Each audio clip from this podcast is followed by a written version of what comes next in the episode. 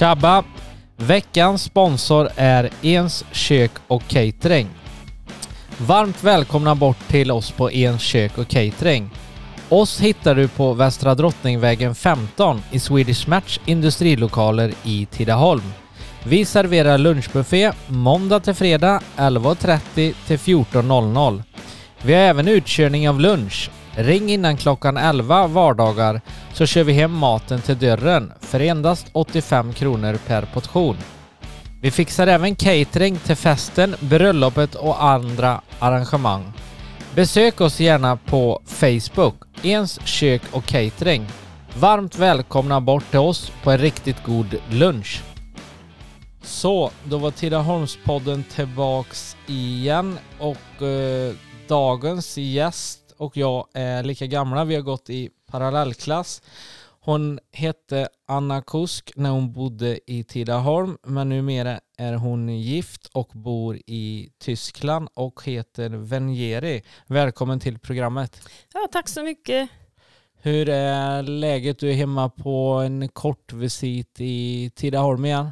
Ja, nu är det verkligen kort visit. Alltså jag landade i torsdags och idag flyger jag nu klockan två tillbaka till Tyskland. Men två av mina barn, jag har ju tre barn, eh, de stannar här nu två veckor då. Jag åker hem själv så jag säger idag. Och så stannar de två veckor hos mormor och morfar nu då. Ja, hur, ja, hur känns det Anna att komma tillbaka till Tidaholm? Det, det måste varit ett tag sedan ni var, eller du var till, här eller? Ja, vi var ju på höstlovet sist i oktober var vi här förra året. Ja. Ja.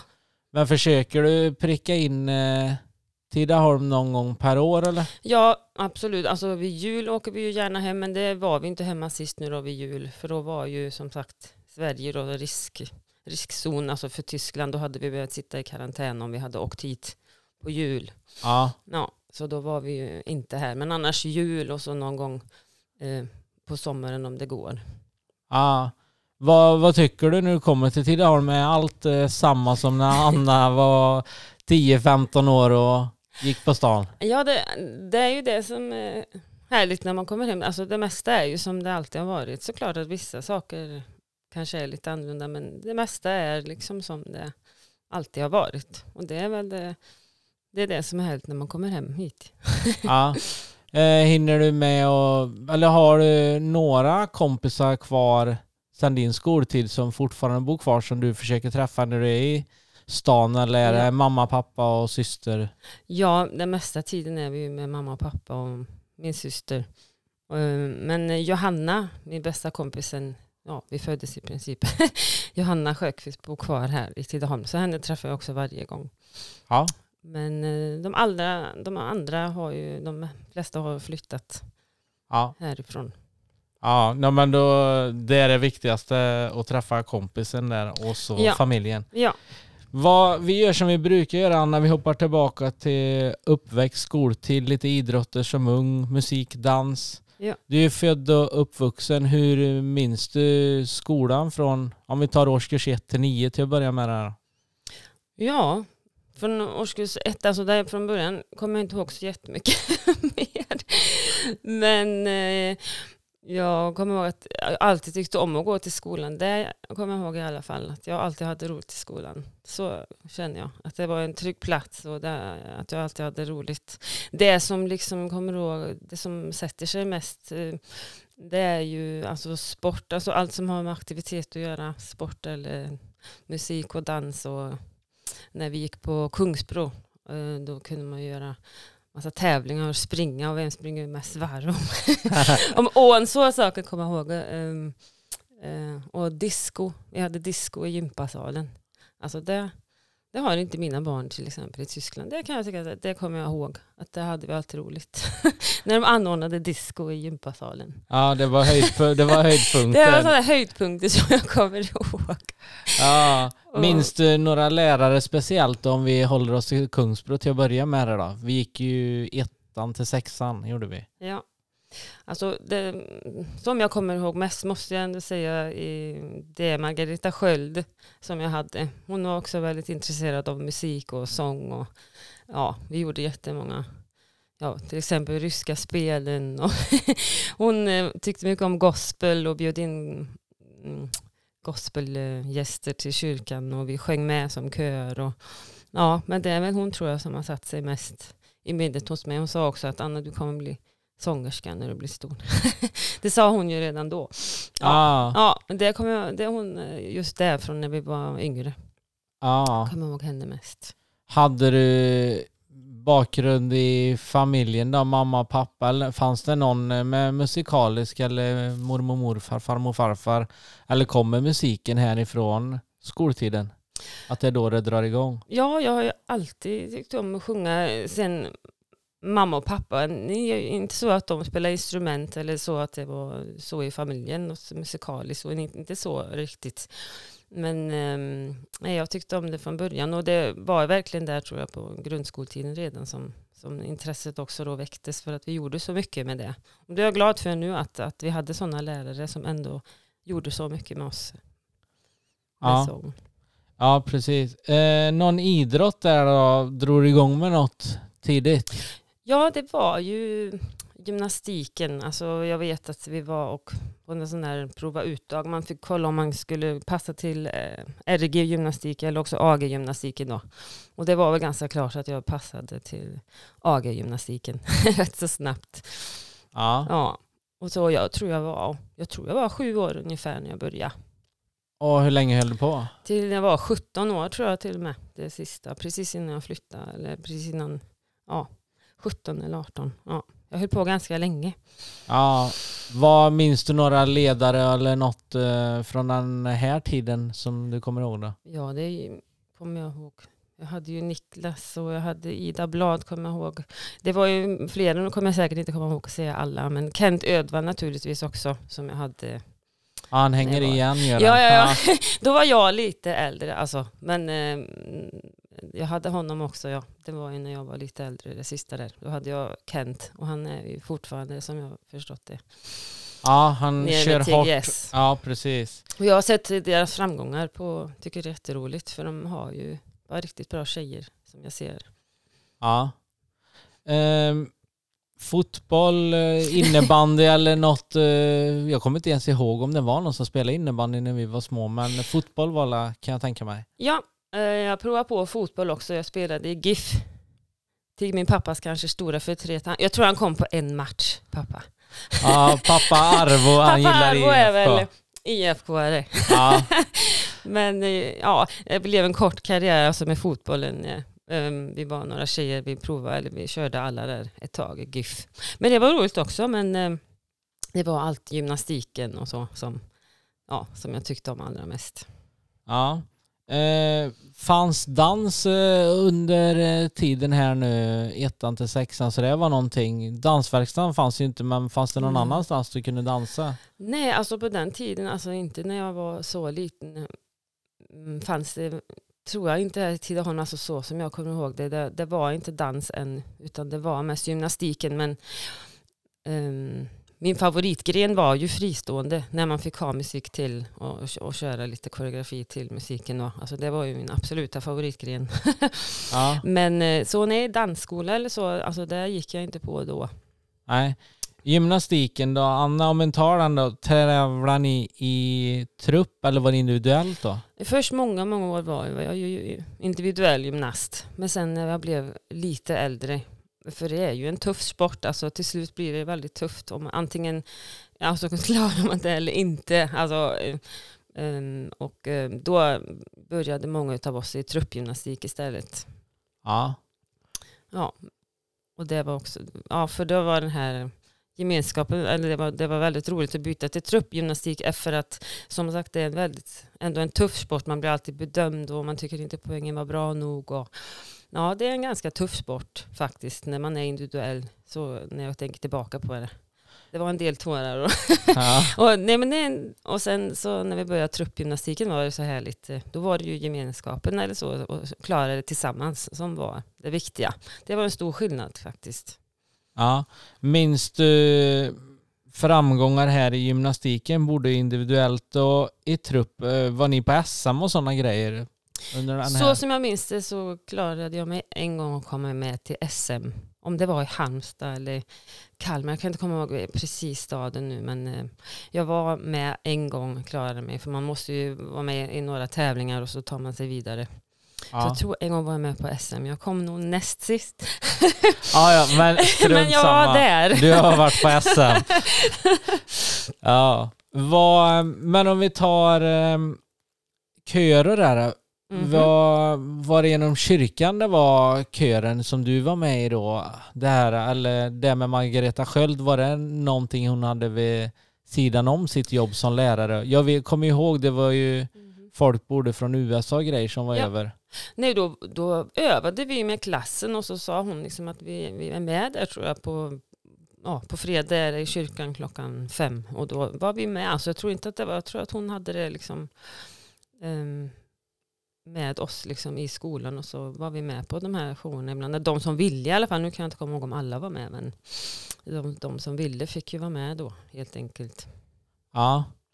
Eh, hur eh, tyckte du det var, eller då, redan då, inte Mhm. stå på scen, men det är ändå så gamla var ni inte, eller vi, eller de som var med i alla fall.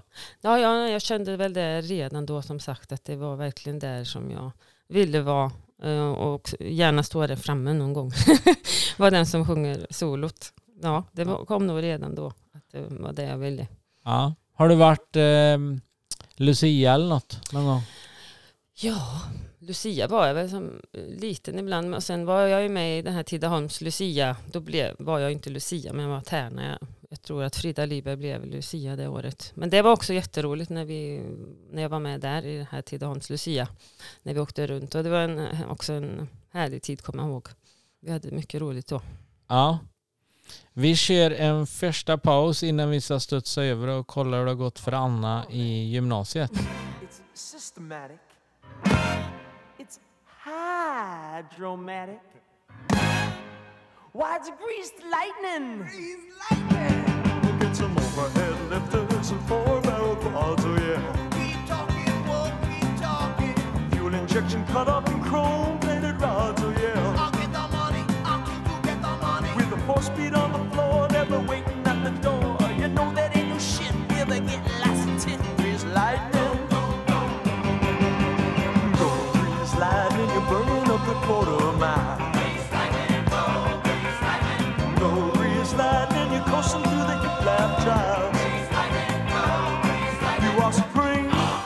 chicks are cream for grease lightning.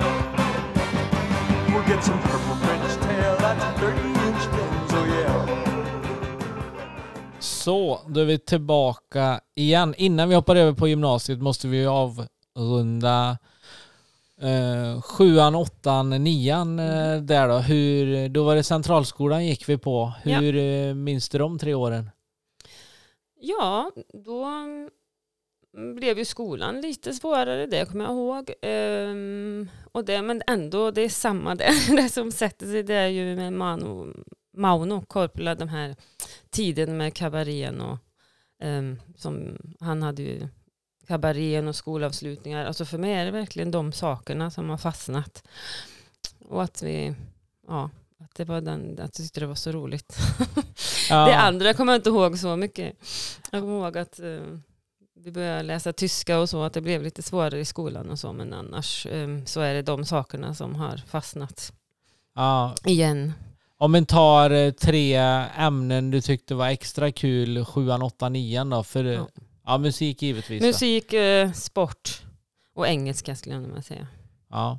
Hade du lätt för dig, skulle du säga Anna, i skolan? Behövde du plugga med eller räckte det med att du satt med på lektionerna och så satt resten sen? Ja, jag hade nog ganska, alltså då än, alltså på den här 7, 8, 9 fortfarande, alltså då gick det ganska bra fortfarande. Jag hade ganska lätt för mig faktiskt. Så Ja. jag pluggade inte särskilt mycket, inte då, inte än.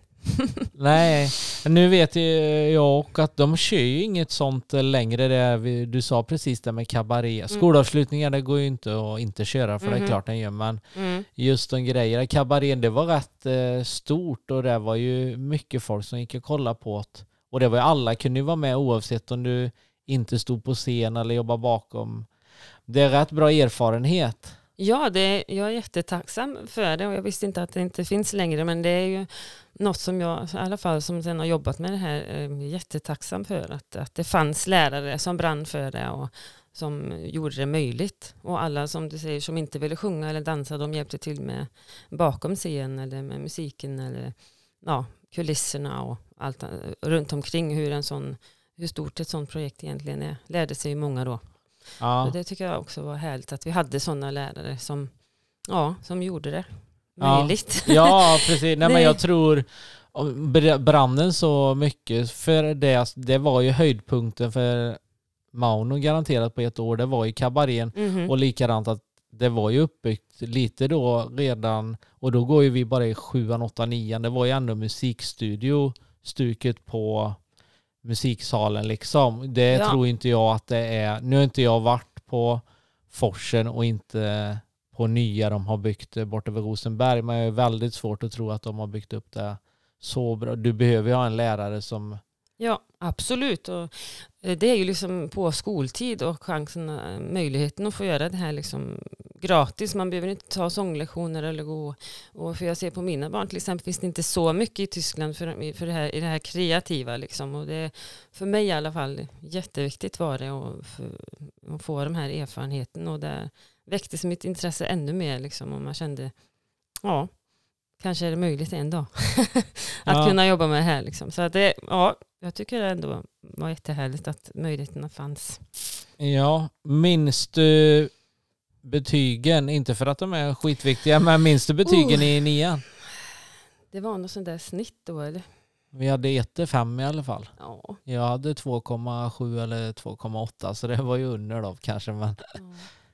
Nej. Hade jag 2,3 kanske? Jag vet inte. Nej, du måste ju ha haft mer än mig. Mer än dig. Uppåt nu går är jag- det. Nu är jag tillbaka i Tyskland, där är ettan bäst. Jaha, eh, här är ettan sämst. Jaha, ja, just När vi gick. Jag hade Nu har jag varit borta för 2,8. länge. Nej, Ja, okej, ja det hade jag ju. Har man massa, var det 3,5 kanske? Nej, jag kan inte. Nej, jag kommer nog vi inte ihåg. struntar i betygen. Nej, Men eh, hur går tanken när du ska välja gymnasie, Anna då? Vad... Ja, jag och Johanna som jag pratade om förut, vi åkte ju till Skara faktiskt och åkte på audition för där fanns det en eh, danslinje. Ja. Och vi kom faktiskt, vi kom in båda två på, den här, ja, på danslinjen i Skara.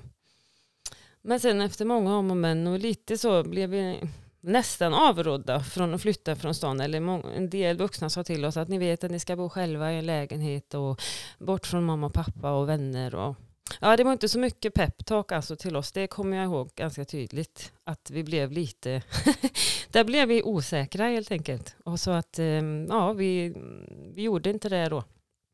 Utan eh, då sökte jag till Rubiksgymnasiet här i stan och så gick jag på naturvetenskapligt program. Som 70% andra gör. typ. Ja, för att jag Ah. inte visste då. Nej, nej. Jag var ju egentligen helt säker på att jag vill dansa eller sjunga eller vad som.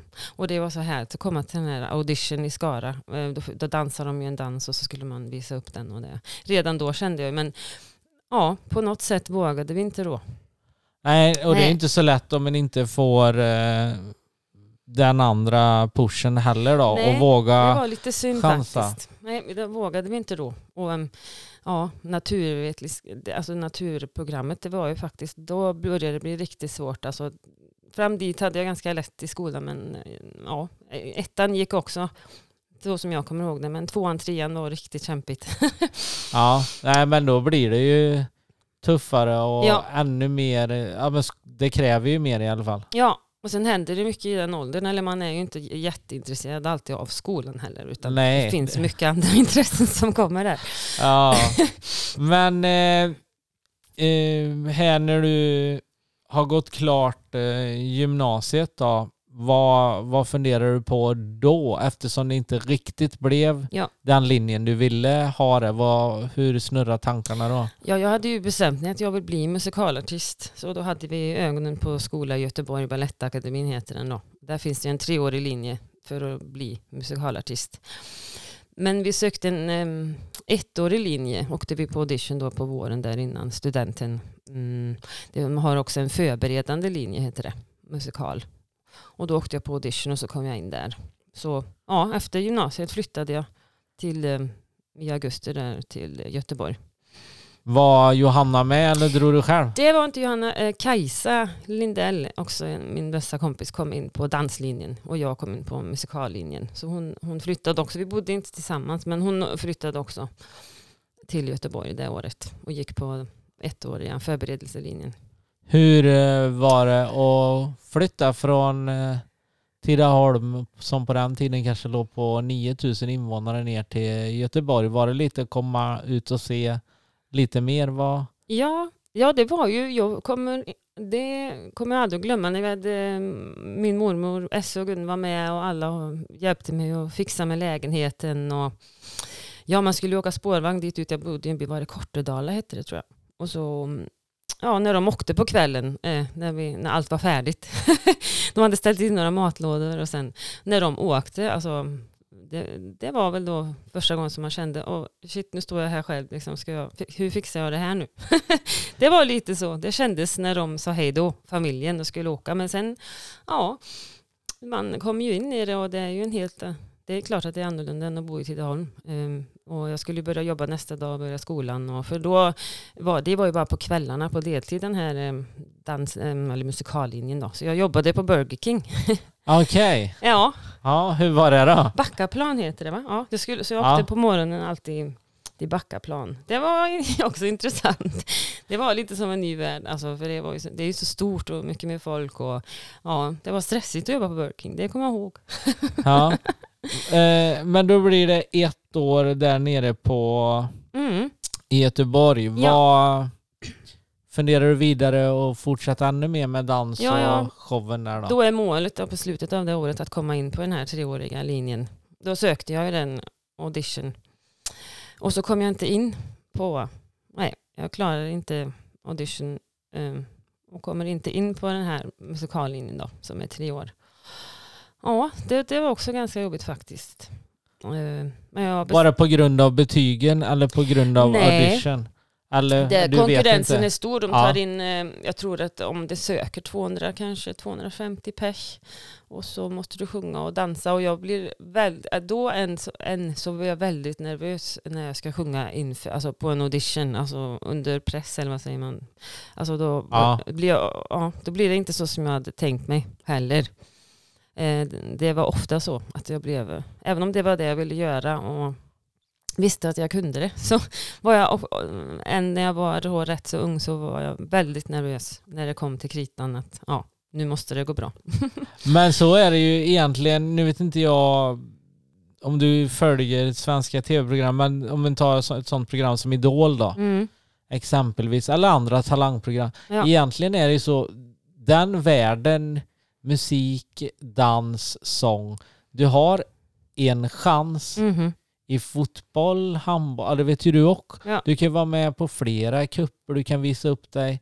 Men ni, det är egentligen jävligt tufft. Ja, mm, det är också en hård bransch. Eh, och eh, som sagt, när, har man det här när det väl gäller att man blir för nervös, alltså rösten det hänger på så mycket att andningen är bra, att man är lugn och, och inte tänker för mycket, övertänker som jag gjorde då. Så jag har ofta alltid haft höga krav på mig själv och har man det då och då, ja, då går det inte alltid så bra när det väl måste göra det och då är, det, nej, då är man ute, då, då var det ju bara så att då kom någon annan in Ja. och jag var, jag var väldigt förkrossad. Alltså det var ju min dröm. Så att jag vet att jag satt utanför den här listan. Sätter de ju upp på klockan 12 på natten när de har bestämt sig. Man väntar ju också så länge. Sitter man där och väntar. Så var jag inte på den där listan. jag kan komma ihåg att det var, för mig var det. Men hur gammal är du då? 20? Ja, vad gick ut? 19, ja 20 va? Ja, Ja. 20 eller 21 Ja. jag januari. Ja, kanske bara 21. Vad, när du inte står med på listan då, Mhm. tänker du fortfarande jag Några, ska visa i alla fall? ja, några, någon dag var det väl kanske. Nej, nu är jag upp. Ja, jo det förstår plugga. jag. Ja. Men nej, sen bestämde jag nej, jag vill ju det här så gärna. Så mm, då mm, sökte jag till en skola i Stockholm, Kulturama heter det. Det är ungefär samma. eh, Ja, Stukavskola, man dansar, sjunger och, och har teaterlektioner. Då. Så det var också en ettårig linje, så i augusti där flyttade jag till Stockholm. Hur minns du flytten här nu då mellan Göteborg, eller inte flytten Ja. men att komma Ja. från Göteborg till Stockholm? Ja, där bodde jag i Alby, Botkyrka. Alltså jag vet att jag var eh, ganska rädd när jag skulle åka ut dit till min lägenhet på kvällarna. Och för det här var också kvällskurser. Eh, så ja, det var också en stor omställning. Högt tempo i Stockholm alltså. Eh, men det, så det är också annorlunda än Göteborg. Nästan ännu högre tempo i Stockholm, det kommer jag ihåg. Eh, men det är också fint i Stockholm. Alltså det, det var också en bra erfarenhet. Alltså jag gillar Stockholm. Sen tror jag jag gillade Göteborg bättre att bo i om man säger. Men eh, ehm, jag, var, jag var rätt ung. Ja. Och just det här med tunnelbanan, 40 minuter på kvällarna ut till... Alltså jag, Nej, så det- rockigt är det inte. nej, jag kan komma ihåg det. Att som, som tjej så ung alltså, var jag rätt så. Vad, när du säger att det är kvällskurser uppe i Stockholm igen, Mhm. är du fortfarande på Burger King när du kommer upp till Stockholm eller vad, vad hoppar Anna på då? Nej, jag, jag, jag, jag jobbade inte på Burger King, det gjorde jag inte. Ehm, jag tror att vi var på, det var heltid, men det var liksom på morgonen och sen var det paus och sen blev det sent på kvällarna. Så det var en heltidsskola, inte en halvtid alltså. Så jag, Nej, okej. så jag jobbade inte där, utan jag fick studiebidrag för en heltids... För man får ju de här studiebidragen också när man gör det här. Ja, ja, men Ja. då var det pluggtiden uppe i Precis, Stockholm. där fick man plugga lite mer för man, måste, på, man skulle lära sig noter och ja, det var lite annorlunda än i Göteborg då, för det här var en heltidslinje. Och den i Göteborg var ju bara på kvällarna. Ja. Men vi gick ändå till sent på kvällen, för danskurserna ligger ofta kvällstid. ja, det är klart. Ja, När för då är det andra med också, inte bara de som gör det som ja, skola, utan hobbydansare kommer till då. Ja. Vad, ehm, efter Stockholm då? ja, då åker jag ner till Göteborg igen och söker Ja. Balettakademin och kommer inte in. Ja, Få, de här listorna som kommer upp då, bara för jag är nyfiken. Ja. Är det bara de, hur många namn sa du kom med? 20? Ja, vad tar de in? Ja, Som jag kommer ihåg, det är 25 kanske maximalt. Alltså 12 tjejer, kanske 13 killar eller tvärtom. Eller så, Men du ser aldrig hur nära du är på att komma in? Nej, men det säger de ju till eh, ändå. Båda gångerna kom det ju ut en och sa till mig att du var i slutpratet, liksom, så som det kan vara på Idol ibland. Ah, fotona. Ditt Ja. foto låg där och vi pratade hela tiden och, och kämpar vidare och du kommer in nästa gång. Och, ja, det glömde jag säga förut, så sa de ju till mig första gången också och sen var det så igen nu då. Ja, för mig det är ju liksom en klass på 25 personer och kanske 12 tjejer. Så det är klart att de kommer från hela landet till att söka de här skolorna. Så, Nej, Enkelt är det ju inte. nej, Nej. det, det får jag ju fastställa men... Hur som- var det andra gången nu då? Är det ännu hårdare, tuffare ändå? För nu tycker du ju ändå att nu har du ju ändå varit iväg Ja. ett år i Stockholm och bättrat på det du Ja, trodde. Ja, men um, jag vet bara att jag gjorde mitt bästa och att nej, 12 tjejer, 12 platser, um, det var väl för lite liksom. Och de, jag vet att de kom ut igen och sa det att du var med i slutdiskussionen igen. Och, ja. det hjälpte inte mig då, men då, ja, då gav jag nästan upp den här drömmen om att bli musikalartist. Ja. Eh, nu då, efter eh, andra vändan i Göteborg då och Mhm. andra bakslaget Ja. då, vad funderar du i någon annan bana att jag ska jobba med det här eller nu Mhm. skiter vi det? Ja, då tänkte jag, då lägger jag väl ner det nu då, för det, det är alldeles för tufft. Jag orkar inte med ett nederlag igen om man säger det. Det är så jobbigt när man inte kommer in. Så tänkte jag, nej, ehm, jag får väl sjunga och så och dansa på, på annat sätt. Kanske inte blir så som jag tänkt mig, men jag tänkte inte att jag skulle sluta helt med det, men jag var ändå ganska Ja, förkrossad får jag nog säga. och sen bestämde jag mig för att mm, läsa på komvux då, flytta hem till Tidaholm och att jag skulle läsa upp mina betyg så att jag kunde komma in på ja, högskolan, universitetet. Det var väl förskollärare eller lä- grundskollärare som, som jag hade tänkt mig då i alla fall. Men först så skulle jag läsa upp betygen. Ehm, så jag gick fem kurser tror jag och försökte höja betyget i alla de fem. Var det under ett års tid du bodde i Tidaholm? Ja, det var det. Och i den vevan så um, bodde ju också Judit um, ehm, här i Tidaholm och eh, skulle starta den här, sin dansskola, dansverkstan. Så då frågade hon mig om jag ville undervisa i jazzdans, ungdomar. Um, så det gjorde jag också när jag bodde här då. Eh, en, en kväll i veckan så undervisade jag på dansverkstan. Ja. Hur eh, var det att få, för, kände du Judith sen innan eller? Eller Ja, visste alltså, hon, hade jag hon visste lite koll vem på? hon Ja. var, tror jag. Men inte så. att vi kände varandra så.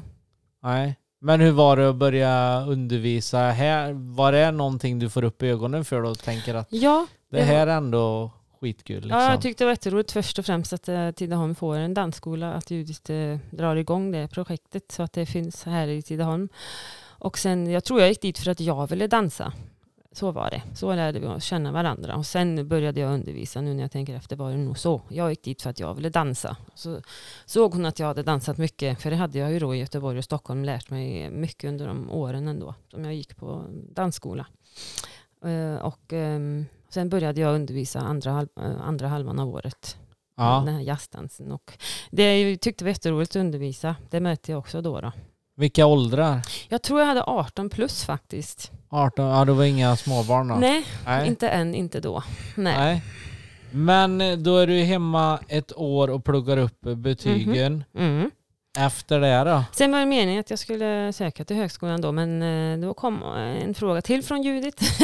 Hon hade ju fått ett, eh, frågan om ett jobb på Mallorca, att göra tio shower ungefär för en hotellkedja där nere, som hon också redan har jobbat med mm, tidigare i livet. Ehm, men eftersom hon hade dansskolan så kunde hon ju göra showerna men inte lära ut dem till eh, alla de här människorna som kommer ner och jobbar då på hotellen sen. Så då frågade hon mig om jag skulle kunna tänka mig att eh, lära ut danserna och showerna. Och jag gjorde audition också så fick jag det jobbet som, ja, som man säger, artist i ett showteam. Då, så att det var också redan klart att jag skulle stå på scenen då under säsongen. Men Judith eh, frågade mig om jag kunde tänka mig också att vara ja, koreografassistent där nere och lära ut showerna till alla som kommer och ska jobba där.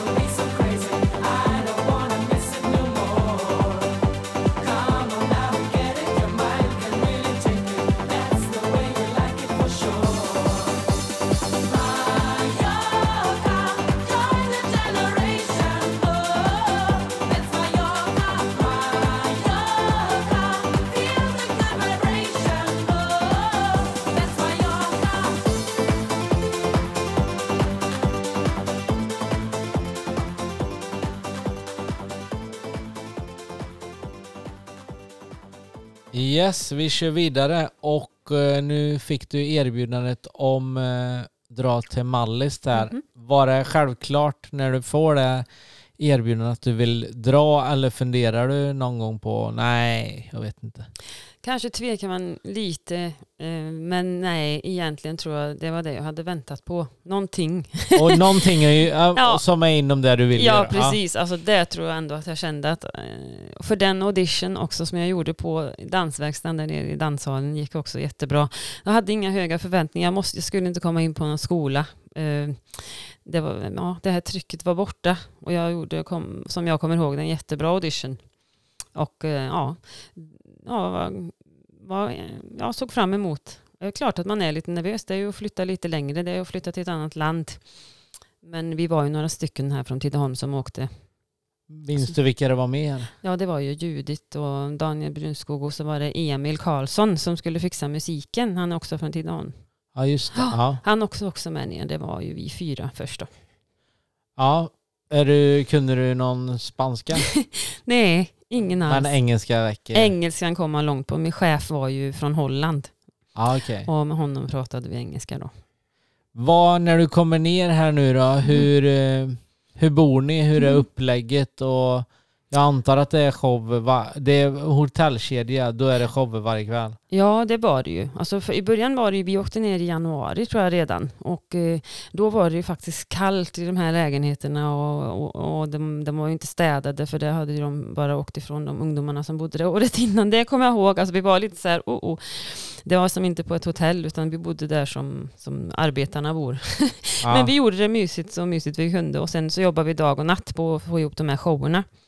För Judith gjorde showerna och jag skulle ju skriva upp dem då i en bok och försöka skriva upp alla steg som hon visade mig och lära och, och ja, öva in de här tio showerna då. Ja, och eh, sen åkte de ju hem och så kommer ungefär 80 personer som, ska lära, som jag ska lära ut de här showerna till. Då. Vilka länder är de här 80 ifrån? Ja, eh, England, Holland, Sverige, eh, Tyskland såklart. Ja. Hur, hur, hur känner du det då? Känner du dig att, men nej men jag kan, jag är duktig på det här nu, jag kommer kunna lära ut det här eller känner du ändå lite, du ställer ju ändå krav Ja. på dig själv. Ja, alltså jag var, jag var jättenervös då den dagen som skulle, alla skulle ställa sig där och jag skulle stå där uppe. Och, för jag kom ju på, jag måste ju lära ut det här på engelska. Alltså det slog mig nog fem minuter innan. Jaha. ja, för vi hade ju sagt alla sig så steg ihop eller vända, alltså vända, snurra. Det är klart att jag kan det på engelska, men när det står så här 80 personer och man är 23 år, alltså det var också lite, jag kom in i det, men jag kommer ihåg att det var lite nervöst i början när man skulle prata engelska för första gången för så många och då lära ut danser, för jag hade inte tänkt på hur, vad heter de här termerna på engelska nu då? Och hur, får, hur kan jag liksom få dem att förstå allt det här som jag vill säga? Men det var jätteroligt alltså, och alla tycker om dansläraren. Det var ju mitt stora. Till min Ja. stora glädje så blir man väldigt populär. ja. Så man får vara mänsklig. Och det kanske jag var. Jag, ändå, jag har höga krav men jag tror jag är ödmjuk som människa. Så att de tyckte om mig och vi fick ihop det här till slut. Hur lång tid, eh, med 80 personer då, Mhm. hur lång tid har ni på er att repa in det här Ah, innan s- första gästerna? Det här var i mars tror jag, i sex veckor. Och då lär man sig till exempel Grease då en vecka och så på, på, lördag, på måndagen börjar vi och på lördagen på den här kursen heter det då, så, vi, så, så väl, väljs några ut och visar den här showen som jag har övat på då. Så det blir som en slags, ja, en vecka, en show. Vad, mi- minns du hur många shower var det ni skulle, var det tio stycken? Ja, ungefär faktiskt. för- Men minns du några mer än Grease då? Ja, det var Grease, Saturday Night Fever har vi gjort, eh, We Will Rock You har vi gjort. ehm, ja, Chicago hade Daniel Brunskog gjort en egen show och satt ihop. Den var också jättebra. Ja, ABBA naturligtvis, får inte glömma. Nej. ABBA också. Ja, Något med hårdrock? hårdrock, ja, eh, 80 show om man säger, 80-talsshow. Ja. Ja. Vad av dem du rabblar upp nu då, Mhm. eller någon du minns mest, vilken var roligast att göra och varför Mhm. just den? Och jag tycker, ja. I början var det nog Grease, för jag fick vara Sandy, hade jag alltid drömt om. ja, Ja. det var ju en, det tyckte jag var jätteroligt, för jag fick vara Sandy då. Jag har varit Rizzo också ett annat år, men då första året var jag Sandy, så det var ju, tyckte jag. Sen är det nog We Will Rock You som var härligast att sjunga och göra. Ja. Hade ni inspelad musik eller kör ni med band? Ja, det var ju Emil då som gjorde bakgrunden om man säger. Uh, alltså det var ju inga röster på band. Alltså han gjorde alla de här backingsen Ja. med Daniel. De gjorde det allt. Fixade ihop de här medleysen då för att det skulle ju sitta ihop allting. Eh, så han jobbade jättemycket med musiken där då. Så vi hade ju sådana backtracks. Men vi sjöng ju själva allting om man säger. Ja. Vad, ehm, det är ju inget, du- jag antar ju att det är för att plugga in det här nu med 80 personer och du ska Mhm. vara lite chef Mm. över dem. Det är inte så mycket för Anna att ligga och sola där nere då? Nej, vi började, det var väl frukost vid åtta, vi började vid nio och sen till tolv på natten. Ja, och sen började vi klockan åtta igen. Ja. Ja, och varje dag, tror inte vi hade någon ledig dag. Nej. Nej. Nej, det var inte än, alltså ligga och sola, det var efter några månader då. För att först måste alla lära sig showerna och jag var också själv med i några shower sen då. Som jag, måste, som jag också var tvungen att öva med mitt team och så. Ja, det var ju januari, ja, kanske framåt i maj, juni låg vi på stranden när allt var klart. Ja, precis. Men inte eh, i början, nej, då är det jobb dag och natt där nere. De eh, du hade då, om det kommer ner 80 stycken, klarar alla att hänga i Eller är hemlängtan för stor? Eller det händer Mm. lite grejer och det trillar bort lite folk? Det är absolut, jag klarar inte, alla gör ju inte det utan vissa tycker det blir för jobbigt faktiskt. Som man kan tro där nere att det bara, ja det är ju chill liksom och bara spela lite volleyboll med gästerna och sjunga på kväll. Alltså så är det verkligen inte utan det, det, det är ett tufft jobb. Och, man, och, och får man också hemlängtan så var det ju många som åkte hem och så fick, lära, fick jag ju komma och lära in nya titt som tätt, alltså ganska ofta faktiskt. Ja, så jag blev uppryckt från stranden att komma och öva. ja okej. Men eh, när det väl har dragit igång sen då? Mm.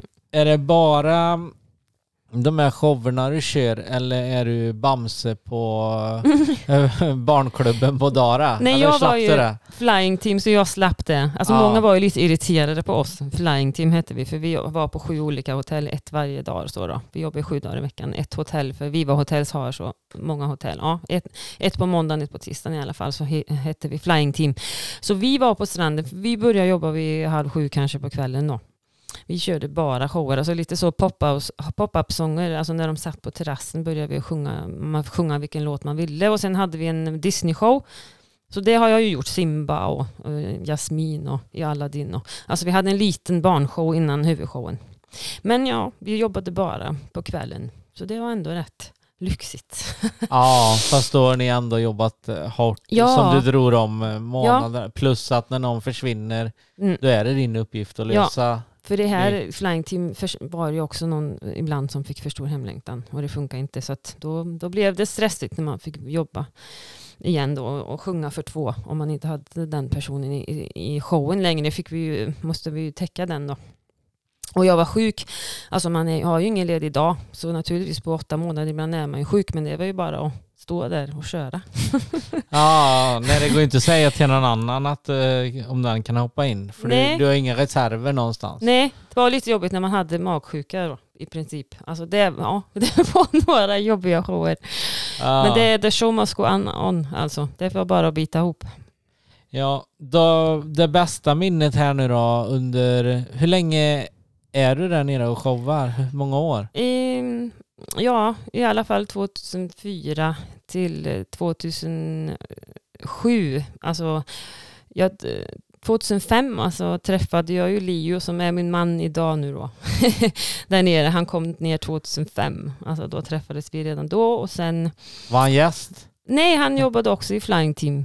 Okej. Han kom ner och han hade sökt till att få det här jobbet som showartist eller ja, i teamet och så hamnade vi i samma team 2005. Ja, så på den vägen. Har ni kört något ihop? När Ja, ni var där nere? ja. Ja. då körde vi Moulin Rouge det året var det tror jag. Och så var vi Rock ju. Ja. Ja. Var, han eh, duktig på dans eller sång eller allt eller bara snygg eller? Nu ska vi se vad han säger om jag säger det. Alltså dans, ah, jag fick kämpa mycket för att lära han de här danserna som han måste lära sig. Men eh, på sången är han jätteduktig. Eh, är Spelar han också? Han har, spelar nu, har han lärt sig, under coronatider har han lärt sig att spela gitarr. Det har han lärt sig själv, alltså självlärd. Han spelar nu jättebra gitarr faktiskt. Men det är nu på, på senare dagar faktiskt som han spelar. Då. Det har han lärt sig rätt nyligen. Ja. Ja. Men då kommer han ner där. Ja. Vad händer sen då? Och sen jobbar vi vidare eh, med eh, showerna men eh, 2007 eh, föds ju Liam då, våran son, mitt första barn. Så mm, vi körde, jag var ju gravid och körde showen färdigt till slutet på september, början på oktober och sen kom ju Liam i december. Så jag var ju gravid hela säsongen och stod på scen då med magen. Ja. Ja. Hur, eh, hur mäktigt är det att få barn, skulle du säga? Oj, ja. Eller det är klart allt ändras. Du Ja. kan ju glömma Ja, party och... Ja, livet ändras ju. Det förstår man ju inte riktigt innan. Det är ingen som har sagt det riktigt, i alla fall inte till mig. Alltså jag hade nog inte förstått det då. Hur, hur ändå livet ändras. Sen är det ju fantastiskt, det är ju helt klart. Eh, födseln också tycker jag, det håller inte alla med mig. Nej men det kanske är olika. jag tyckte ju det var häftigt som skön, som man säger på tidaholmska. Men eh, ja, nej, livet ändras. Från, det, från och med då måste du ja, sätta andra prioriteter. Och vi som sjöng och dansa, för oss blev livet väldigt annorlunda, för det är inte alltid så lätt att fortsätta med sådana yrken då, när man har ett barn. Nej. Vart föddes han? Han Föddes... i Skövde, Liam. Då bodde vi, då flyttade till Tidaholm då i oktober. Flyttade vi hem efter säsongen där då. För jag ville flytta hem när jag ja, var med barn. Ja. Ja. Eh, hur länge är du hemma i Tidaholm, eller ni? Ja, inte så länge. Alltså, Leo hade svårt att få jobb och eh, han är ju från Syditalien, min man. Kulturerna är väldigt olika. Det, det för honom blev det ju, och han, han hade ju bott på Mallorca i många år, i Spanien också, som är lite mer likt Italien nu kan man väl säga. Så um, kulturkrocken blir väldigt stor och sen får han också ett jobberbjudande nere i Spanien. Och hade ju fortfarande inte verkligen fått något jobb här då, för det är ju inte så lätt Nej. att komma till Tidaholm. Och han lärde sig språket, han var jätteduktig får jag säga. Alltså, han lärde sig språket jättesnabbt. På SFI gick han ju. Jag tror det tog två, tre månader sen kunde han svenska. Ja, det är fort. Ja, alltså han, på språk är han ju jätteduktig. Så det var inte problemet, att han inte ville eller inte kunde prata svenska eller mm, integrera sig. Men det var svårt att få jobb. Och så fick han ett erbjudande från Spanien. Så när Liam är ett halvår, ungefär tror jag, flyttar vi tillbaka till Mallorca. Och vad... Ja, du är mammaledig då antar Ja. jag? Men jag jobbade med show där också sen när Liam var åtta månader. För då åkte någon hem från ett showteam och jag, Leo jobbade på dagarna och jag jobbade på kvällarna. Ja, Så då vi- löste ni igen. Ja. ja. Så då stod faktiskt på scen redan igen där. ja. Eh, hur eh, länge kör ni på nästa vända nu då? När ni är... Ja, det är ett tag till men sen blir jag med barn igen. Kiara föddes 2010. Hon föddes i Jönköping. Alltså vi flyttar hem igen. ja, Varför blir det Jönköping? Eller flyttar ni till Jönköping Då då? bestämde vi oss för att kanske inte bo i Tidaholm. Det var ju svårt sist att få jobb. Jönköping kanske är en liten större stad. Ehm, ja, ha, ha, så. Och vi hade vänner där också, fortfarande från Mallorca. De vi hade lärt känna på Mallorca, där bo, de bodde, och- bodde också i Jönköping. Så var där, där hade vi vänner och så. Då bestämde vi oss för att prova en lite större stad. För att kanske möjlighet att få jobb och så är lite större. Ja. Och Hur gick det denna gången då? Det var, vi var, eh, ja Leo fick ju, vi flyttade tillbaka. Oh, ja, jag vet ju själv inte, vi har flyttat så många gånger. Alltså det har Ja. vi verkligen. Vi var i alla fall en runda tillbaka på Mallorca, det kan jag säga. Och sen var Chiara ett halvår på Mallorca och sen flyttade vi tillbaka. Då fick eh, min man ett jobberbjudande när vi var tillbaka på Mallorca igen. Från Fagerhult då. I, och jobbade där som deras tyska korrespondent. Så då flyttade vi tillbaka igen till Sverige och så jobbade han på Fagerhult. Ja, och då bodde ni i Jönköping. Ja, igen. Ja. Hur länge, hur länge stannar ni i Jönköping denna gången då? Oh, det var ungefär två år. Sen fick, em, blev Leo av med jobbet eh, 12 12 2012. Det glömmer vi inte för det var ett sånt datum. Nej, det brukar vara sådana datum folk gifter sig Ja. på dem. Ja. Och jag jobbade på Kulturskolan då i Jönköping. Det var också för mig ett jättehärligt jobb. Jobbade jag på Kulturskolan som danslärare och jag hade ett jobb och barn gick ju på dagis och förskola heter det nu för tiden. Ja, stämmer. Men eh, som sagt då blev Leo av med jobbet och fick i den vevan ett jobb då nere i Tyskland genom den här firman då. Och då, på den vägen är det. Sen flyttade vi till Tyskland 2013. Ja. Nej, vi, vi sa i pausen förut, jag och An- Anna sa, jag vet inte hur många gånger jag har flyttat, men mamma och pappa vet nu i alla fall. Men Kanske. eh, det, det är lite, ja men eh, ja. nu är ni i Tyskland Ja. och eh, har ni flyttat omkring där och? Nej, alltså vi har bytt, alltså vi bodde i en lägenhet och bor nu i ett radhus. eh, Så att vi flyttat en gång. Ja men det är lindrigt då på Ja, ja. de sista, vad Det är det, tio åren i alla fall? Ja, det var, det, man skrattar ju lite åt det nu hur många gånger, men när man är i det är det ganska tufft att flytta så mycket. Alltså med barn, eh, det vet de som har barn också, att, och de var små. Alltså det, det är också tufft från land till land. Det är inte bara några meter vi flyttar nu den här, den här tiden. Men nu, nej, nu har vi bara flyttat där lite inom stan vi bor i. Och sen har vi ju varit i Tyskland nu, tror jag, ungefär i åtta år.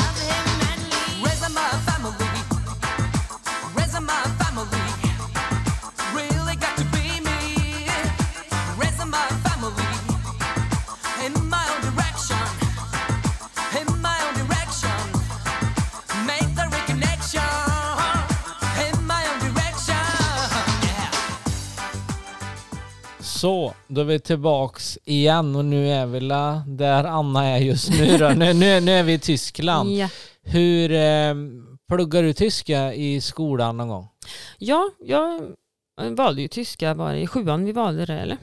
Ja. Eh, Så lite den här skoltyskan hade jag. Men den efter 15 år eller hur många år sedan var det då? då så mm, ja, den, det hjälper inte särskilt mycket kan jag säga. Om man inte har praktiserat språket så hjälper det inte särskilt mycket. De glosorna man lärde sig då, det är tyvärr så. Men jag hade ju pluggat det lite. Ja. Men eh, vad jobbar du med i Tyskland nu? Nu är jag förskollärare. Eh, Jag utbildade mig till det då. Ungefär ett och ett halvt år efter att vi hade flyttat till Tyskland. Jag, blev, jag fick ju mitt tredje barn ganska snabbt. Vi flyttade 2013 och Alice är ju född 2014. Då var jag hemma ett år med henne ungefär. Då. Och sen sökte jag lite jobb. Eh, men i Tyskland är det så, jag sökte ju jobb också för jag var ju gravid eh, när vi flyttade dit. Men där är det så, där jobbar man inte när man är med barn. De sa till mig, men du är ju med barn och du behöver inte jobba så. Det är lite annorlunda än här i Sverige kan man säga, bilden av det och så. Eh, kvinnor, alltså, de, de bara sa till mig, nej men det behöver du inte söka jobb nu för det, det får du inte när du är med barn ändå. Det var jag väldigt, alltså det, så det är till exempel en kulturell skillnad i Tyskland, för här är det ju inte så riktigt i Sverige. Nej, det finns många som jobbar fram Ja. till sista dagen. Precis, Ja. så jag tyckte det var lite konstigt. Men i alla fall så var jag ju mycket hemma då. Och ehm, med Alice. Och sen eh, sökte jag lite ströjobb och så och fick dem väl också. Men jag var, nej, som sagt jag har ju högre krav på mig själv. Och visste att jag eh, under alla de här vänderna i Jönköping också jobbade jag ju som, eh, vad säger man nu, eh, vikarie på dagis mycket i Jönköping och det tyckte det var roligt. Så att jag bestämde mig ändå för att försöka komma in på den här utbildningen då och utbilda mig till förskollärare. Hur lång var utbildningen i Tyskland på det? Tre år var det. Och jag arbetade, jag fick liksom ett eh, kontrakt med ett dagis. Jag jobbade tre dagar för att få mycket praktisk erfarenhet och så var jag i skolan halv åtta till halv fem två dagar. Ja, okej. Så det var li- praxi, prak, praktikintegrerad utbildning om jag ska översätta det. Ah, Så det passade mig för man fick lite lön också. ja. Eh, så det var inte bara skola varje dag. Alltså, så. Men då har du typ jobbat som eh, förskollärare nu i fyra, Ja, jag var färdig för, jag har jobbat i tre år nu då. Tre år? Ja. Ja, Hur, eh, hur är det om du, du eller, lite koll har du på Sverige och hur skiljer det sig uppfostran och alla, alltså ert jobb eller är det likvärdigt att gå in och jobba i Sverige? när, när det kommer till barnomsorg och barn och förskola, skola så är Sverige tror jag, alltså ett av de länderna, det är ju liksom när jag gick i utbildningen så var ju Sverige som liksom ett bra exempel. Ofta kommer det upp i utbildningen, i Sverige gör man så. Alltså, jag tror, att- jag, som jag kommer ihåg det så gick jag ju också på småbarnsavdelning när jag var liten, alltså när mamma jobbade. Ja, Men det är ju nu 40 år sedan, ungefär då, 39-38 år sedan. Där fanns inte ens en småbarnsavdelning i Tyskland. Alltså den finns först nu sedan några år tillbaka. För man gick inte på dagis förrän man var tre år. Eller försk- innan det jag så säger är dagis, mamman... det är så van vid det. Förskola. ja, Förlåt. ja, men jag säger samma. Men Ja. innan det då? Mm. Menar du då att den så, eller mamman är hemma? Ja. De, jaha. Jag har, alltså i min vän, vänkrets som jag har nu är jag den enda som jobbar heltid till exempel. Det tycker de är ganska konstigt. att jag jobbar heltid. För det har jag ingen annan vän nästan som gör. Nähä. Det är också en kulturell skillnad. Ja, det, det, skillnaden är det att många är hemma. Eh, många ja, fru, hemmafruar så att säga. ja. Det, känd, det var ju för mig också lite nytt. För här är det inte riktigt så. Utan båda, ofta jobbar båda. Och inte så mycket deltid finns ju här också. Men om de jobbar så är det deltid. Kanske 50 procent då. ja, okej. Så jag är lite ovanlig. Jag har tre barn och, och jobbar heltid. Och det, ja, det tycker de är ganska ovanligt. Ja. Eh, vart i Tyskland bor ni Anna? Vi bor i Ravensburg. Och för alla här nu som lyssnar på podden då, vart i Tyskland är vi? Det är nere i södra Tyskland. Alltså, till München har vi ju två, två och en halv timme. Till Stuttgart åt andra hållet. Två timmar kanske också. Det är, vi ligger vid Bodensjön. Alltså, jag vet inte om man, någon kanske har sett det på eh, pussel. Står det ju i en sån här eh, triangel där nere och så står det Ravensburg. Alltså det finns ju en fabrik där nere som gör pussel framför allt. Okej, det är det Mm. de är kända. Det är det de är kända, mest kända för tror jag. Ja. Ja. Hur eh, stor är staden? ja, de har ungefär 50 000 invånare. har vi. Ja. Så inte jättestor och inte jättelytt. Nej, men eh, vad kan det vara? Tre, fyra gånger så stort som Tidaholm då? Ja. ja. Eh, hur eh, bor ni?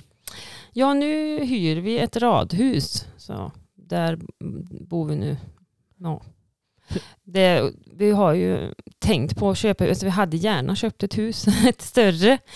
I, I Tyskland är det mycket mer invånare, 90 miljoner ju. Det är ju stor skillnad från i Sverige på människor. Alltså det är mycket mindre yta. Alltså husen är byggda i höjden. Det finns inte så stora hus. Alltså svårt att hitta ett hus när man har tre barn. Men eh, skulle vi köpa ett som det är nu kostar ett hus för oss ungefär 9-10 miljoner. Jaha. Ja. Det, Och det är rätt Haha. dyrt. Så jag kan säga det, flyttar ni tillbaka till Tidaholm så för de pengarna så, ja men det är ju typ Helidens slott här uppe ni kan. Ja. ja men, Ja, kommer man från Tidaholm är ju de här priserna.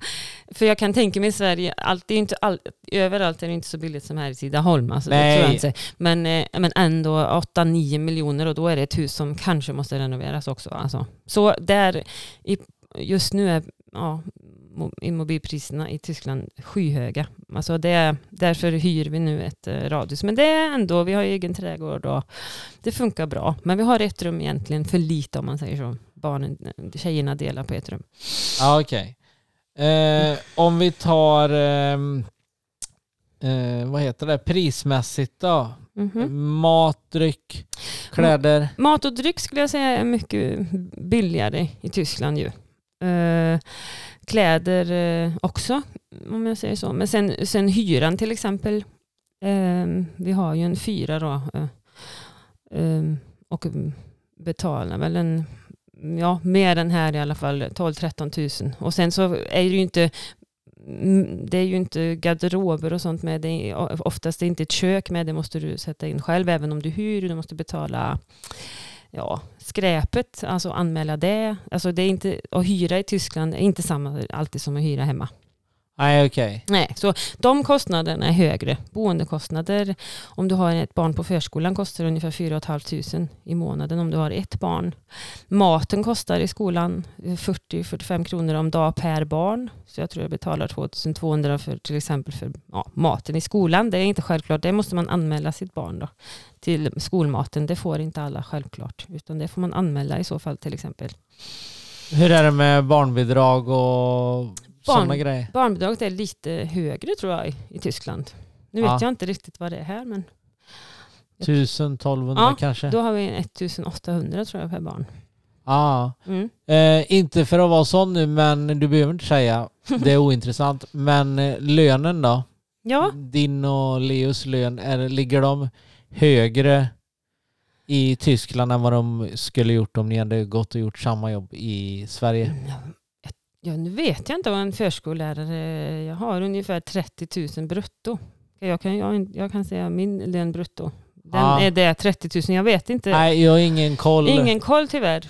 Det kan ju någon då jämföra när de hör det. Men jag, Ja. kan, men jag betalar ju mycket i skatt. För i, i- Tyskland har de ett annat skattesystem. För här betalar ju alla i princip samma skatt, skatteprocent. Men li, de har en skattetabell om du är gift, om du är singel, om du...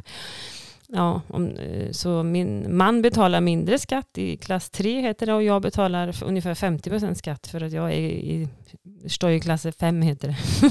Ja, så det är ett annat system. Han betalar ju för sig mindre skatt och jag mer, så det jämnar ut sig. Men eh, Ja. ja, det är ett helt annat system där nere. Sjukvård och tandläkare och Ja. allt sånt, är det fritt eller har man privat? Det är mest privat i Tyskland. Vi måste ju betala in eh, varje månad till en sån sjukförsäkring. Ja, okej. Ja, det är inte samma som här, utan eh, där måste man betala in varje månad så att man är, man måste se till själv så att man är sjukförsäkrad. För Men att- om, om du skulle vara sjuk, liksom får du från Sverige i Försäkringskassan, Mhm. om du är hemma en vecka vid vård av sjukt barn, Ja. finns det i Tyskland? Det finns också, men du får bara vara hemma tio dagar. Alltså du får tio dagar per barn. Vad händer om barnet är sjukt mer än tio händer Eller då? ringer du mormor? Eller? Ja, de mamma? flesta får, vi har ju ingen mormor, morfar, farmor, farmor. Alltså, vi är själva så att vi Ja. får alltid lösa det själva. Men nej, då är det tyvärr så att kanske personen sjukskriver sig själv. Ja, Ah, Okej, ja, ja. det är ju inte rätt. Men eh, det är ju ingen som kan bestämma om ett barn är sjukt 10 eller 15 dagar på ett år. Men det är regeln i Tyskland. 10 dagar får de vara sjuka. Ja. Ni har eh, tre barn nu. Mhm. Pratar de eh, både svenska och tyska? Ja, svenska, och tyska pratar de. Lite italienska. Vi var ju nere på Sicilien nu. De kan leka med barnen där nere. De känner ju några barn som bor på samma gata som oss. Eh, och eh, Liam i alla fall, vår stora, han kan prata ganska så bra italienska också. Men eh, ja, engelska pratar de också. Hur, eh, om du ser skolan nu för, eh, hur gamla är barnen? Ja, Alice är sju, Chiara är elva och Liam är tretton. Ja. Om du ser deras, eh, hur, då, hur långa dagar, om vi tar de två Mhm. stora då kan vi ta. Ja, de, de går ju på gymnasiet nu då. det är ju lite annorlunda. Alltså det började Chiara förra året. Alltså i femte klass. Är det gymnasiet då? Ja, grundskolan är fyra år. Och sen, Okej. och sen kommer man eh, sen delar det sig då efter fyra år så beror det lite på vilken skola man väljer att gå. Eh, så det finns tre olika. Ja, det är ju ett annat system. Och sen har de båda på, två valt att gå på gymnasiet då. Som är kan man säga den svåraste av de här tre skolorna man kan välja. Så det är ganska högt tempo. Eh, och eh, Långa dagar? Ja, inte så. För att man har ju som inte skolmaten då. Så att eh, de börjar halv åtta och går till ungefär fem över halv ett. Men sen har de ju två dagar kanske som är långa dagar till fyra eller, och till och med fem kan Liam gå. Va, men vadå inte skol... Du menar att de äter när de Antingen kommer hem? tar man, ja det gör de flesta ju. Eller så också finns det en matsal men den har ju varit stängd hela coronatiden nu då. I ungefär ett och ett halvt år eller hur länge pratar vi om? Ja, Ja. Så matsalen har ju inte varit öppen när de har haft skola då. Så att eh, då får, har vi ta, fått laga mat och, ta, och ge med då. ja. Men det finns en matsal, och, men alla betalar inte 45 kronor för det då. Utan ta med sin mat. Eller också Ja. Ehm, barnen då, har de fått något av Anna när det gäller sång och dans eller gympa? eller, jag följer ju dig på Ja. Facebook så jag har i alla fall sett att någon av dem håller på med gymnastik. Ja, båda två faktiskt. Både Alice och Chiara. Alice lite grann. Hon tycker det är rätt jobbigt med gympa. Hon är inte så övertygad. hon, har börjat, hon har börjat dansa nu istället. Hon säger att eh, gympa det är ju så, ja, det är för ansträngande för henne. Då. Men Chiara är ju lik mamma, ja, hon är ganska enveten och passar för den här sporten. Hon tycker det är jätteroligt. Men har ju inte haft så mycket träning då just nu. Men nu har de ju fått köra igång igen då. Håller du, håller du på eh, själv, är du med, du eller Leo med Ja. som ledare eller något inom sport? Ja. Liam spelar ju fotboll och Leo var också ganska länge tränare för honom då när han var yngre. Nu är han inte det längre men han har också varit fotbollstränare för barnen då för att det fattas ju ofta föräldrar som hjälper till. Är det ideellt i Tyskland? Han fick, han fick um, Eller får du någon? Ja, han får Lite mer tränare. träningskläder och fick nog kanske lite pengar men ofta Ja, ja, är det ideellt. Jag får också som när jag tränar tjejerna i gympa får jag också 70 kronor i timmen ungefär för att jag, jag gör det. Men det gjorde jag ju precis nu ganska nyss, eh, min eh, träning, tränarlicens, hur säger man? Ja. Så nu har jag också en licens då i Tyskland för att vara tränare. ja. Ja. Men eh, tycker du, om du jämför din egna uppväxt då Mm. inom sport, alltså Mm. är det lite tuffare att få ideella i Tyskland så du säger att de är för upptagna eller det, Ja. det kan det ju även vara här nu också tror jag ju. Ja. Det blir inte enklare med åren. Nej det blir ju det blir det verkligen inte. Men eh, nej, alltså vi har ju en huvudtränare och sen är det ju vi mammor nu då, två mammor som har gått den här tränarkursen så att vi kan försöka hjälpa till. Alltså det fattas ofta, och jag har hört om fotbollslag också som inte kan, som inte kan, ja vad säger man, det kan inte vara någon fotboll för det finns inga ledare. Alltså det är också svårt ibland att hitta. Ja. Håller du själv på att aktivera dig något eh, T- Tränar eller vad, vad, vad gör du när du vill? Ja, 2011 gjorde jag min Zumba-utbildning också här, när jag bodde i Jönköping. Eh, Så den, jag kör Zumba en gång i veckan när jag tränare för, ja, har jag en grupp som jag kör min Zumba med då. Och sen är jag ju ledare på gymnastiken några dagar i veckan. Ja. Ja. När eh, Annas familj eh, ska hitta på något en helg i Mhm. Tyskland då? Mm. Vad, är det spelkväll hemma eller ut och käka eller bio eller vad är ni för typ av familj? Ja, alltså vi gillar ju när det här, alltså på vintern eh, när, och hösten om det är kallt så går vi gärna till badhuset och badar och eh, eller så går vi ut och med kompisar brukar vi gå och vandra lite på olika, ja i skogen så köra en liten vandring. Eh, men sen kan vi också bara chilla hemma. Vi har ett eh, tufft eh, vardagsprogram. så ibland gillar vi bara också att ta det väldigt lugnt på helgen för att vardagen är väldigt stressig. Och då blir det lite Netflix och ja, laga god mat. Gör min man, det är han som lagar mat. Ah, Okej. Italienskt, ja. Ja. Så det kan vara också bara träffa vänner på lördagen kanske och så bara ta det lugnt. Spela gör vi också, spela mycket spel. Pussel då som du nämnde. Nej, pussel nej, tyvärr. Det var bara att du var... Nej, I coronatiden när vi var hemma mycket, då gjorde jag ett stort, men det, det var jobbigt. Ja, okej. ja, jag har dåligt tålamod. Ja. Eh, det bästa enligt dig med att bo i Tyskland, vad är det?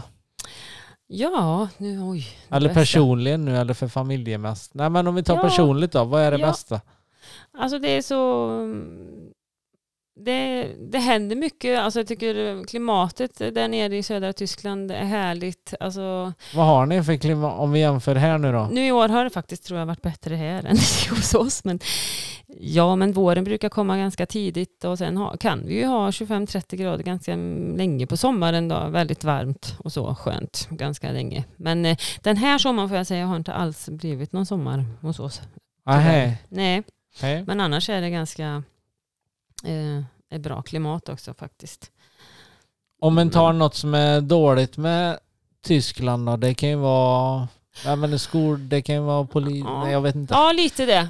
Så, skol, eftersom man är, det är ju lite var man kommer ifrån, vilket Ja. land man kommer ifrån tror jag. Ja, men jag är härifrån nu och tycker det fattas eh, pengar, eh, ja, att man investerar i barnen och, och skol, da, förskolan, material och så. Vi har väldigt lite eh, och möbler och sånt står väldigt länge. Alltså när man nu jämför med Sverige, hur bra det får man inte glömma när man bor här. Hur bra man, Sverige har det. För det är ju så. Men sen så ska man kanske inte jämföra, det säger jag alltid till mig själv då. För att Sverige har 9 miljoner invånare, Tyskland har 90 och ett helt annat system. Ja, det, är lite, det är stora skillnader på, på länderna av, av den orsaken också tror jag. Att vi kan vara lite tryggare, vi kan se individen lite bättre för att vi har liksom ett mindre land. Men vi har men här ett, ett stort, eh, ja, ser man då, eh, till Sverige att de ändå satsar mycket på barn och ungdomar tycker jag. Ja. Ja. Eh, corona sa vi ju, Mhm. eller du har studsat in på det några Ja. gånger. Men det var 2020 och nu är vi 2021. Ja. Hur tycker du Tyskland har skött eh, det med ja, men både coronapass, vaccinering, Mm. stänga ner? Tycker du att det varit rätt? Eller, nu är det din personliga åsikt Ja. vad du tycker. Ja. Sen tycker inte alla andra 90 miljonerna kanske. Men... Det var ju rätt så tufft när de 13 mars där 2020 så, så bestämde de ju att stänga helt enkelt. Men jag eh, blev ju, jag var tvungen ändå att jobba för vi hade ju sån nödförskola eller man ska säga för några då som ändå barn som var tvungna.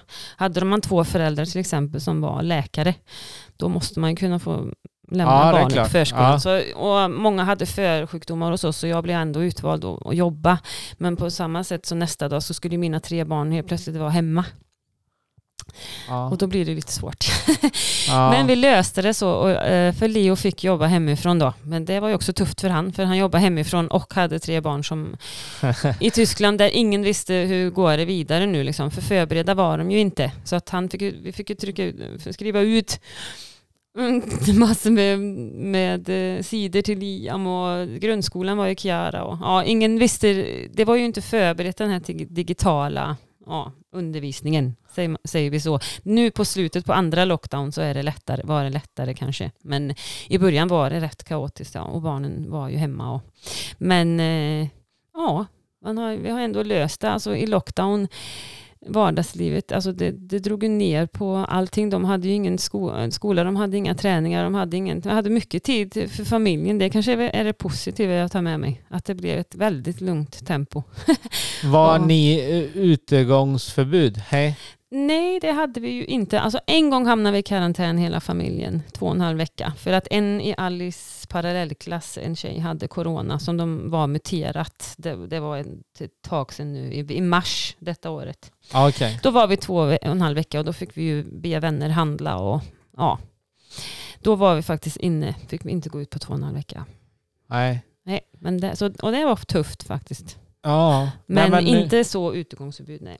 Nej, men nu hoppas vi att det kommer försvinna här nu så Ja, småningom allt kan gå tillbaka där. Ja, vilken väg som är rätt att gå. Det kan jag inte säga. Vi har ju munskydd, eh, barnen har varit eh, flera månader, eh, inte varit i skolan. Det är klart att man som förälder tänker, är det bra liksom för dem att sitta här hemma och ha så, då, så, så lite sociala kontakter? Och, men det är den vägen, tänker jag, som Tyskland har valt att gå, en helt annan än Sverige kanske. Och där igen försök, tänker jag att länderna är så olika i ja, invånare och allting. Avstånd, Sverige har stora avstånd. Ehm, eh, Eh, och i Tyskland bor det mycket människor som är på varandra, liksom, om man ska säga så. Så att jag, vilken väg som är rätt att gå, det vet inte jag heller. Men eh, tufft, tufft har det varit i perioder naturligtvis, när barnen liksom inte hade någonting eh, riktigt så i aktivitetsväg och skola. Och de var glada när de fick gå tillbaka till skolan. Ja det tror 17 och samma. Det märks ju vad jag har lyssnat in här nu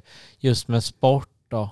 Mm. Det är ju många som, det kvittar nog om det är fotboll, handboll, ishockey. Det är många, alltså har du inte fått spela eller utöva det på ett och ett halvt år Mm.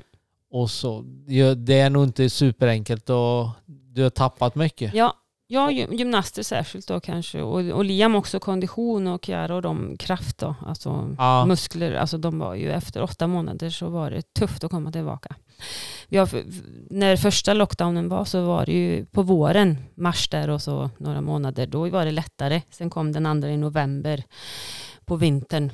Då var det mycket stillasittande och inne för att då blir det också mörkt klockan fyra, fem och ja, det var tuffare andra lockdown för att då var det vinter också.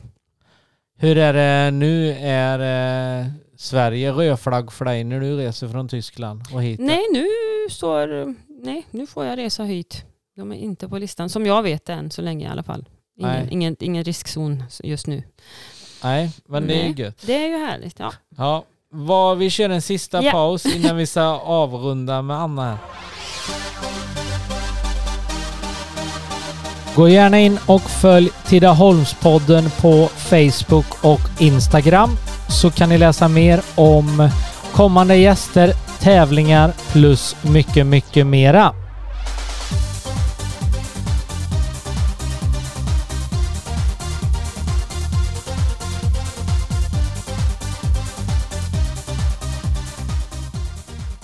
Så, vi sa Ja. att klockan springer iväg fort och Anna, vi sitter och spelar in här i sista söndagen i augusti och eh, Anna ska flyga tillbaka till Tyskland här idag nu så det Mm. blir lite snabba ryck. Så vi skippar faktiskt fem snabba frågor och Mhm. istället så tycker jag att ehm, du sa ju det att när du funderar på att plugga i jag borde skara det att du blir lite avrådd och, ä- och även kanske nu det här med att jobba på Mallorca eller vilket land du nu åker till. Det, du får ju ändå bara en chansen en gång så jag vet ju att det är många som lyssnar på podden som är Alltså de ska säkert välja gymnasie, eller nu har de ju valt dem, men alltså vad de funderar på. Vad är ditt bästa tips till de ungdomarna som lyssnar för att pröva fast du kanske inte får? Alla kanske inte är jättepositiva i det kanske är skolan, det kanske är släkten och så kompistryck. ja, för det kan ju vara den som råder en också är lite rädd. Ja, ska du flytta? Ska du göra det? Alltså det är rädsla från de andra också. Liksom som kom, och då får man det rådet kanske. Men mitt råd är väl att man ändå försöker att lyssna på sig själv. Att man vet att jag vill det här. De andra kanske är oroliga men det löser sig. Liksom. Och, och gör man ett år utomlands, man kan ju åka hem. Man, alltså går det verkligen inte. Men det kan ju också vara så att det är helt fantastiskt. och det är som man hade väntat sig. Så provar man, man ångrar aldrig någonting som man har, alltså som man gör tror jag så, bara det man inte gjorde. Det kanske är så som jag har lärt mig i alla fall i livet. Ja, och det, nej men ändå nu har vi hört hur många ställen du har flyttat till ja, och hur många gånger du har pluggat och Ja. grejer och det går ju bra för Ja. Anna än idag liksom. Och jag menar, för du kan ju ändå inte spola tillbaka till du är 19, 20, 21, 22, 23 och nu sitter vi här båda två är 40. ja, Alltså, du får ju den chansen en gång. ja, och man, ehm, man får mycket nya erfarenheter, man lär sig mycket, man lär sig mycket om sig själv. Ehm, ja, det, jag kan ju bara råda till att ta chansen, eller om vad det nu handlar om, åtminstone att prova liksom, så att man vet att man har försökt. Sen ordnar det sig alltid om någonting inte funkar, så hittar man en annan väg. Det finns all, en, om en, en dörr stängs så hittar man alltid en väg ändå. Och det kan vara tufft ibland, och, men ja, ur, ur det växer man tror jag också, ur de här tiderna där det är tufft. Och man längtar hem, och jag också. Men eh, det löser sig alltid om man hittar en väg. Yes, det får avrunda nu. Så Ja. vi, men eh, det har varit skitkul att du tog dig tid att komma hit och så hoppas jag att du får en fortsatt eh, bra höst och vinter borta i Tyskland så syns vi framöver. Ja, detsamma. Tack för att vi komma. Det var allt för denna veckan. Veckans sponsor är Ens kök och catering. Oss hittar du på Västra Drottningvägen 15 i Swedish Match industrilokaler i Tidaholm. Vi serverar lunchbuffé måndag till fredag 11.30 till 14.00. Vi har även utkörning av lunch. Ring innan klockan 11 vardagar så kör vi hem maten till dörren för endast 85 kronor per portion. Vi fixar även catering till festen, bröllopet och andra arrangemang.